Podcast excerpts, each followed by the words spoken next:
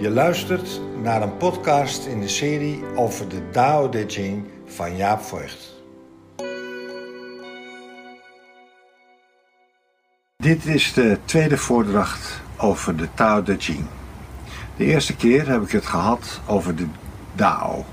En ik heb verschillende versen die daar in het boek over gaan, heb ik uh, behandeld. En nu is D aan de beurt. Het gaat over de Dao De Jing. Jing betekent verhandeling. De Dao is het onnoembare. En je zou kunnen zeggen dat Dao De Jing betekent de verhandeling over de Dao en de werking daarvan. En die werking van de Dao, dat is D. Um, ik zal een aantal dingen in het begin erover zeggen, zodat je een algemeen beeld krijgt. En dan zal ik een aantal versen behandelen in de Tao Te Ching die daarover gaan.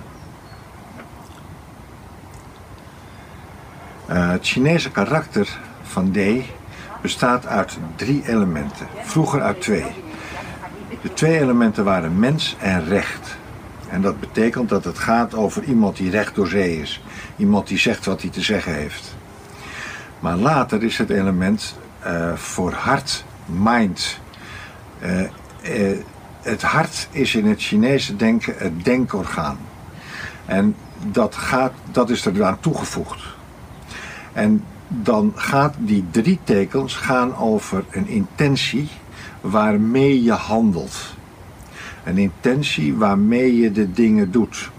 En daarin is er als het ware een verticale lijn waarin je aangesloten bent aan de DAO.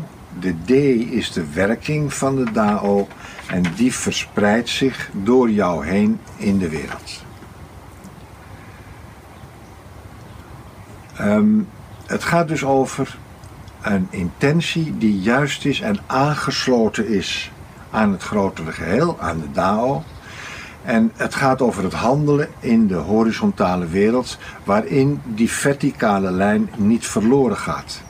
Die intermediair is de D.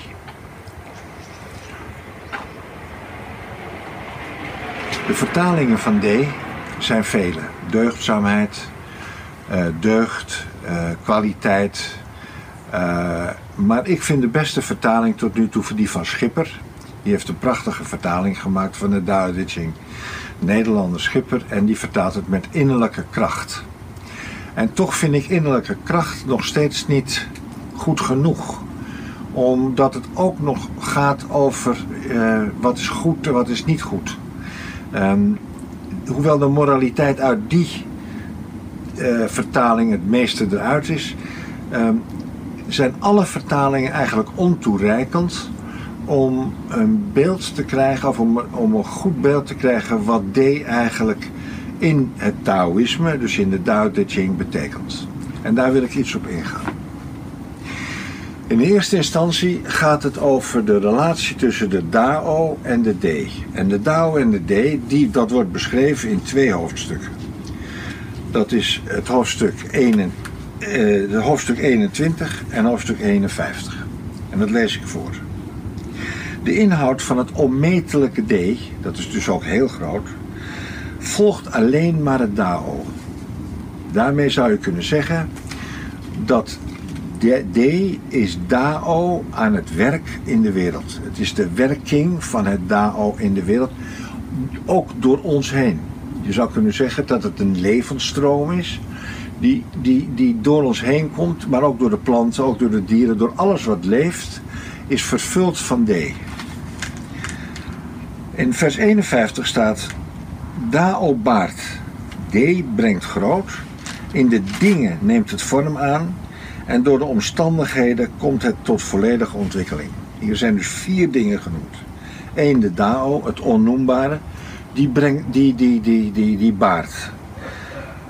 Die brengt voort. Uit iets uit niets.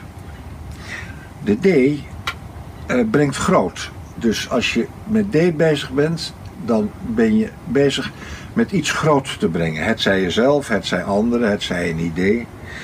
Uh, aan de dingen, dus als het eenmaal vorm krijgt, uh, in de dingen geeft het vorm, dus dat is de vormgeving ervan. En dan heb je de externe omstandigheden, dat is het vierde. En daardoor wordt het uiteindelijk, komt het tot volledige ontwikkeling. Het is heel belangrijk om deze vier dingen te zien in het Taoïsme. De Dao, de D, uh, uh, de dingen waarin het vorm krijgt en de omstandigheden uh, waaronder het gevormd wordt. Dat is vers 51.1. Vers 51.2 geeft het heel goed het verschil aan tussen, en de overeenkomst tussen D en Dao. De Dao baart, dus nog een keertje. En dan, de D brengt groot, doet groeien, voedt op, beschermt, rijpt, voedt en beschermt. Als je dat leest, dan kan je nagaan wanneer jij D van andere mensen of van de natuur ervaart en wanneer jij zelf met D bezig bent. Want op het moment dat jij met één van die dingen bezig bent, grootbrengen, doen groeien, voeden, beschutten, rijpen, ja, dan, dan is het als het ware alsof D zijn werking door jou heen heeft.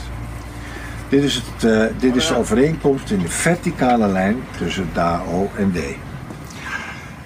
Het is heel belangrijk om te weten dat D in het Taoïsme een verticale, uh, verticaal concept is, in een verticale lijn. Confucius heeft, die altijd bezig was met mensen, met de horizontale lijn, met cultuur, met het probleem hoe heel veel mensen samen kunnen leven zonder elkaar om zeep te helpen. Confucius heeft ook dat begrip.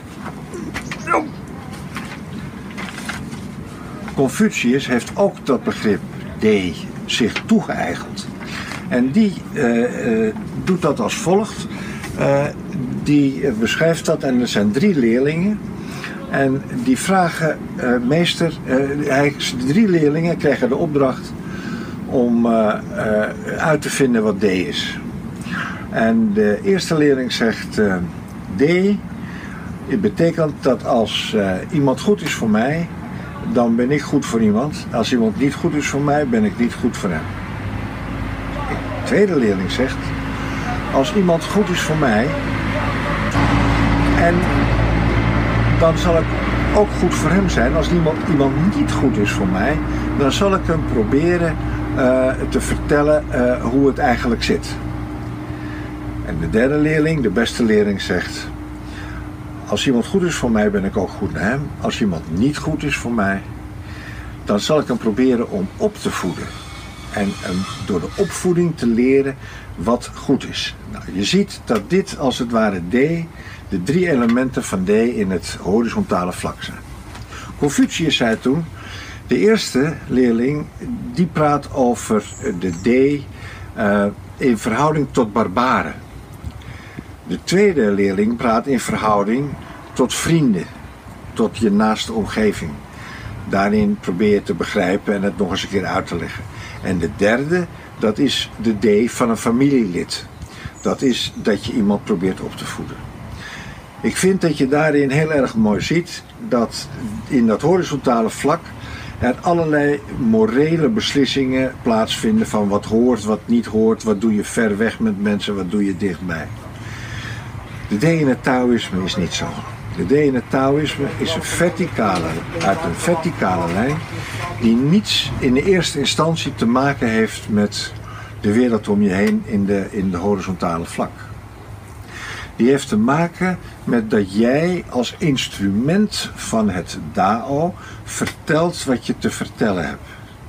En dat je kijkt wat nodig is en niet.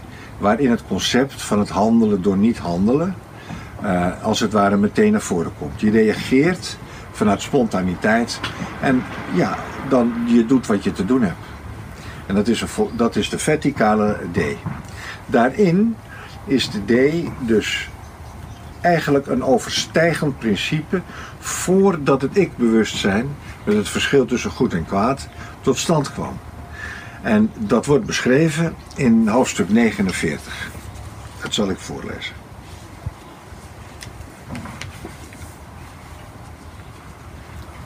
In 49.2, daar staat de goede. Ik ben goed jegens hen. De niet goede, ik ben ook goed jegens hen. want D is goed. De betrouwbare, ik heb vertrouwen in hen. De niet betrouwbare, ik heb ook vertrouwen in hen. D heeft vertrouwen. Dat betekent dat het hier een verschil is tussen die beste leerling van Confucius, die zei ik ga opvoeden. Hier blijft D als het ware in zichzelf geconcentreerd. En of hij nou met goed of met slechte mensen te maken heeft, met mensen die het begrijpen of mensen die het niet begrijpen, dat maakt D eigenlijk niet uit. Want vanuit die overstijging beantwoord je op het vlak waarop beantwoord moet worden. Punt. Om weer op een andere manier in te gaan tussen uh, de, de, de D die in het Taoïsme is en de D in het Confucianisme, um, is, is vers 38. En vers 38 beschrijft, uh, van de Tao Te King, in hoofdstuk 38, Hoofdstuk 38 beschrijft een hogere en een lagere D. En daar wordt eigenlijk mee bedoeld het Taoïstische D en het Confuciaanse idee. En daarin wordt beschreven op een hele grappige manier: het lagere D is altijd met zichzelf bezig. En die weet precies hoe het hoort en die heeft dat geleerd en die is zich daarvan bewust en die is bezig om het goed te doen. Dat is het lagere D. Het hogere D is helemaal niet met zichzelf bezig. Het hogere D, dat is een instrument door jou heen wat werkt. En dat vind ik uh, een hele duidelijk onderscheid. Mensen die het allemaal precies weten, mensen die het allemaal heel keurig weten, mensen die ook precies hun best gedaan hebben, dat is iets anders dan spontane mensen. En het verschil daartussen is dat je bij die verticale lijn, als daar vanuit daar gesproken wordt, voel je vitaliteit. Bij die lijn waarin alles bedacht is en opgeleid is en in kaders gebracht is, waardoor het begrijpelijk wordt en waardoor het controleerbaar wordt, daar is de vitaliteit niet altijd aanwezig. Sterker nog, daar wordt het vaak uh, vernield. Je kan dus zeggen dat D gaat over de start van vitaliteit je kan het de chi noemen, de levensstroom komt daaruit voort. De chi zoals in, eh, in het. Het gaat ook over dat daar waar uit spontaniteit gesproken wordt, dat er altijd vernieuwing plaatsvindt. Uh, niet veroudering. De veroudering wordt tegengegaan. Er is niets wat vaststaat. Er is iets wat iedere keer opnieuw weer bekeken moet worden en waar opnieuw vragen over te stellen zijn en onderzoek over te verrichten is. En daarin is het zo dat, ik ga ervan uit dat iedereen op, min of meer weet wat meditatie is. Op het moment dat je in de horizontale wereld met een vraag bezig bent, en die vraag die, uh, is dringend, dan uh, vraag als het ware jouw persoonlijkheid om een oplossing. En nou blijkt steeds dat als je gaat mediteren en je komt in wat subtielere lagen terecht, dat niet die oplossing van die vraag komt, maar dat de vraag zelf verdwijnt. En dat verschil is heel essentieel. En de D is dus als het ware een instrument waardoor je je ontkoppelt van de vraag. De grote twee dingen van alle geestelijke stromingen. Je beoefent, je doet je oefeningen, je doet je disciplineoefeningen, je doet je studie. Uh, en je ontkoppelt. En ontkoppeling uh, is een essentieel onderdeel. Als op het moment dat je weer in je eigen centrum komt, dan kan je ontkoppelen van dat wat er om je heen is. Dan kan je je afvragen en of wat er in de Tao Te King staat aan versen. Aan versen over de D. Nou, een van de aardigste versen vind ik, uh, uh, waar is D eigenlijk? Je hebt het gevoel natuurlijk vanuit wat ik nu gezegd heb, net als ik, dat D overal is. Dat is nergens niet. Nou, in de Tao Te King staat daar het volgende over, en dat is vers 5, 2. Moet ik even opzoeken.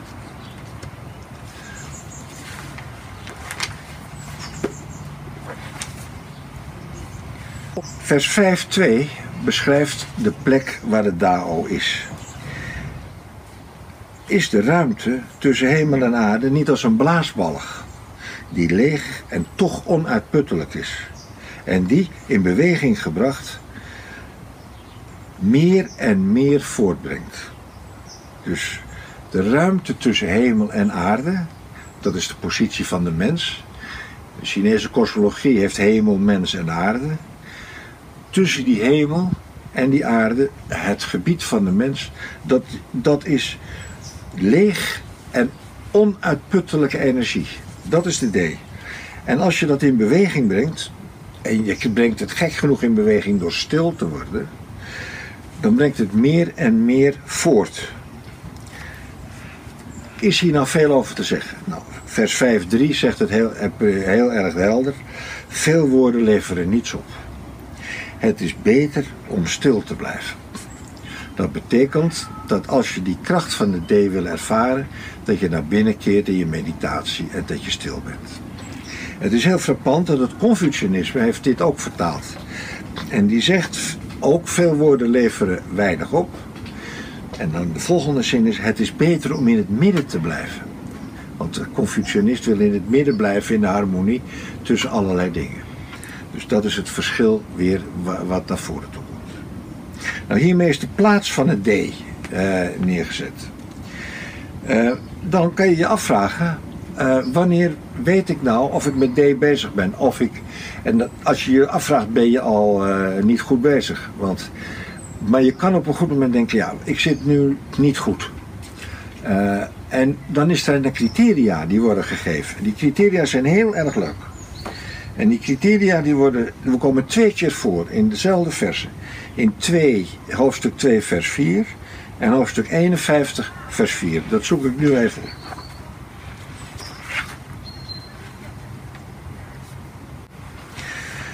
In 51 uh, vers 4 daar staat voortbrengen, maar er geen bezit van nemen. Handelen, maar niet afhankelijk van de uitkomst zijn. Laten groeien, maar er niet overheersen. Dit wordt diepgaande D genoemd. Ik zal het nog een keer zeggen.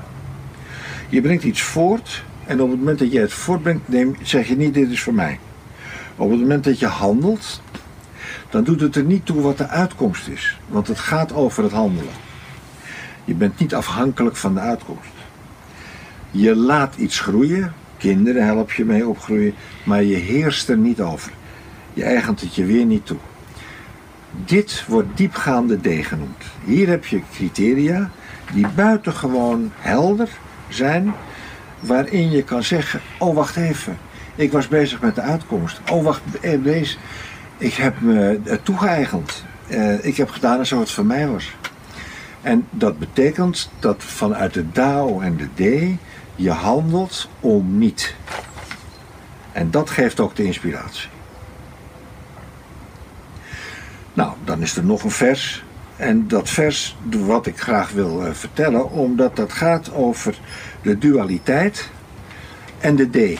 Dus we gaan uit van de horizontale wereld, waarin de dualiteit ligt, donker, zwart, wit uh, zijn. En hoe uh, kom ik dan weer in de D? Dat is een beroemd vers, dat is vers 28. Dat zoek ik even op. En vers 28 uh, dat zijn uh, vier, ver, vier versen. hoofdstuk 28, vier versen. En daar staat het mannelijke te kennen en toch het vrouwelijke te behouden. Is, als het worden, als een, is het worden als een klein stroompje in de wereld.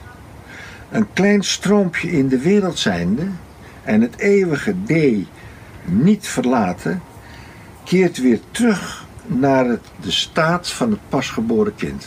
De staat van het pasgeboren kind is de spontaniteit, waarin nog geen conditionering is. Het volgende vers, de eerste zin, het witte kennen en toch het zwarte behouden. Dan komt er weer een ding wat eronder staat. En het derde vers, eer kennen en in ongenade vervallen, dat je weet dat dat toch ook blijft bestaan. Nou, dit zijn uiterste dualiteiten en die dualiteiten, dat is een yin-yang teken. Dat kent iedereen wel. Met die, die visjes met die punten. En wat hier staat, als je dat in evenwicht houdt, je bent niet alleen maar met eer bezig, maar je begrijpt ook dat oneer ontstaat. En je wit en zwart, en eh, mannelijk en vrouwelijk. als je die dualiteit in evenwicht houdt, dan gebeurt er iets heel bijzonders. Dan komt er als het ware een gat in het midden. En dat gat, dat wijst naar boven. Dat gat wordt in de Chinese alchemie de geheime pas genoemd. Dat gat wordt het mysterieuze vrouwelijke genoemd. En dat is hoe op het moment dat je die twee dingen in de wereld in evenwicht houdt, dan is het of je stil wordt. Het is alsof je wortelt. En in die worteling komt een aansluiting tot stand. En die aansluiting geeft je rust. Rust in die wereld van de dualiteit. Kan het zijn dat je dat weer verliest, maar dan kan je altijd weer naartoe terug. Dus dit is de verhouding tussen Dao D en de dualiteit en de weg weer terug. Dat betekent als je ongerust bent, of je bent niet in je sas, of je bent kwaad, gaat het over onthechting, stil worden, stil worden. Ja, allebei bestaan. Ik ben niet allebei, nog zwart, nog wit. Het is de tweede keer dat ik die beweging doe, omdat die energetisch heel erg belangrijk is. D. Vers 28. Het laatste wat ik zeggen wil is dat de Tao Te Ching in vers 15 iets zegt over het handelen. Hoe handel je nou in het algemeen als je uh, met D bezig bent? Als je in dienst van de Dao staat, hoe is dat instrument? En uh, ik vind dat een van de mooiste hoofdstukken uit de Tao Te Ching. En uh, dat gaat over de oude, in de oudheid. En ik zal het voorlezen. Zij die in de oudheid in de geest van D handelden, van het Dao handelden, dus niet in de geest van het Dao handelden, die waren subtiel, mysterieus, duister en doordringend. Zo ondoorgrondelijk dat zij niet gekend konden worden. Daarom doe ik hier een poging om hun manier van doen te beschrijven. Is eigenlijk net als met D. D is onnoembaar. En iemand die de werking van D, van de DAO, via de D door zich heen laat gaan, wat doet hij nou eigenlijk? Wat, wat gebeurt er nou eigenlijk? Nou, de woorden zijn het volgende: subtiel, mysterieus, duister en doordringend. En dan gaat het nog een stap verder. Ze zijn voorzichtig. Als bij het oversteken van een rivier in de winter. Daar ligt een beetje ijs op. Stap voor stap ga je door. Ze zijn waakzaam alsof ze van vier kanten begluurd worden. Ze zijn gereserveerd als een gast. Ze gedragen zich als een gast. Ze zijn oplossend, als smeltend ijs. Ze zijn onbedorven, als onbewerkt hout, stronkhout. Ze zijn uitgestrekt als een dal. En ze zijn ongedifferentieerd, als modderig water. Hierin zie je dat er nog niks gevormd is. Het is als het ware als ze voor de zintuigelijke werkelijkheid staan. Het is dus de wijze uit de oudheid die ons voorbeeld zijn, die in harmonie met de Dao leefde en de werking van de Dao via de D door zich heen lieten gaan.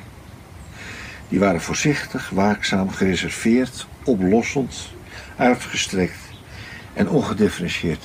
Dat wil zeggen dat ze in staat waren om terwijl ze in de dualiteit leefden, om de werking van de D in stand te houden en van daaruit te leven. Nou, dit is wat ik eh, in de tweede, uh, uh, tweede voordracht over de D heb willen vertellen. Dank jullie wel wordt vervolgd in de derde keer en dan gaan we praten over de wijze zoals die beschreven staat in de Tao Te Ching. Dankjewel voor je aandacht.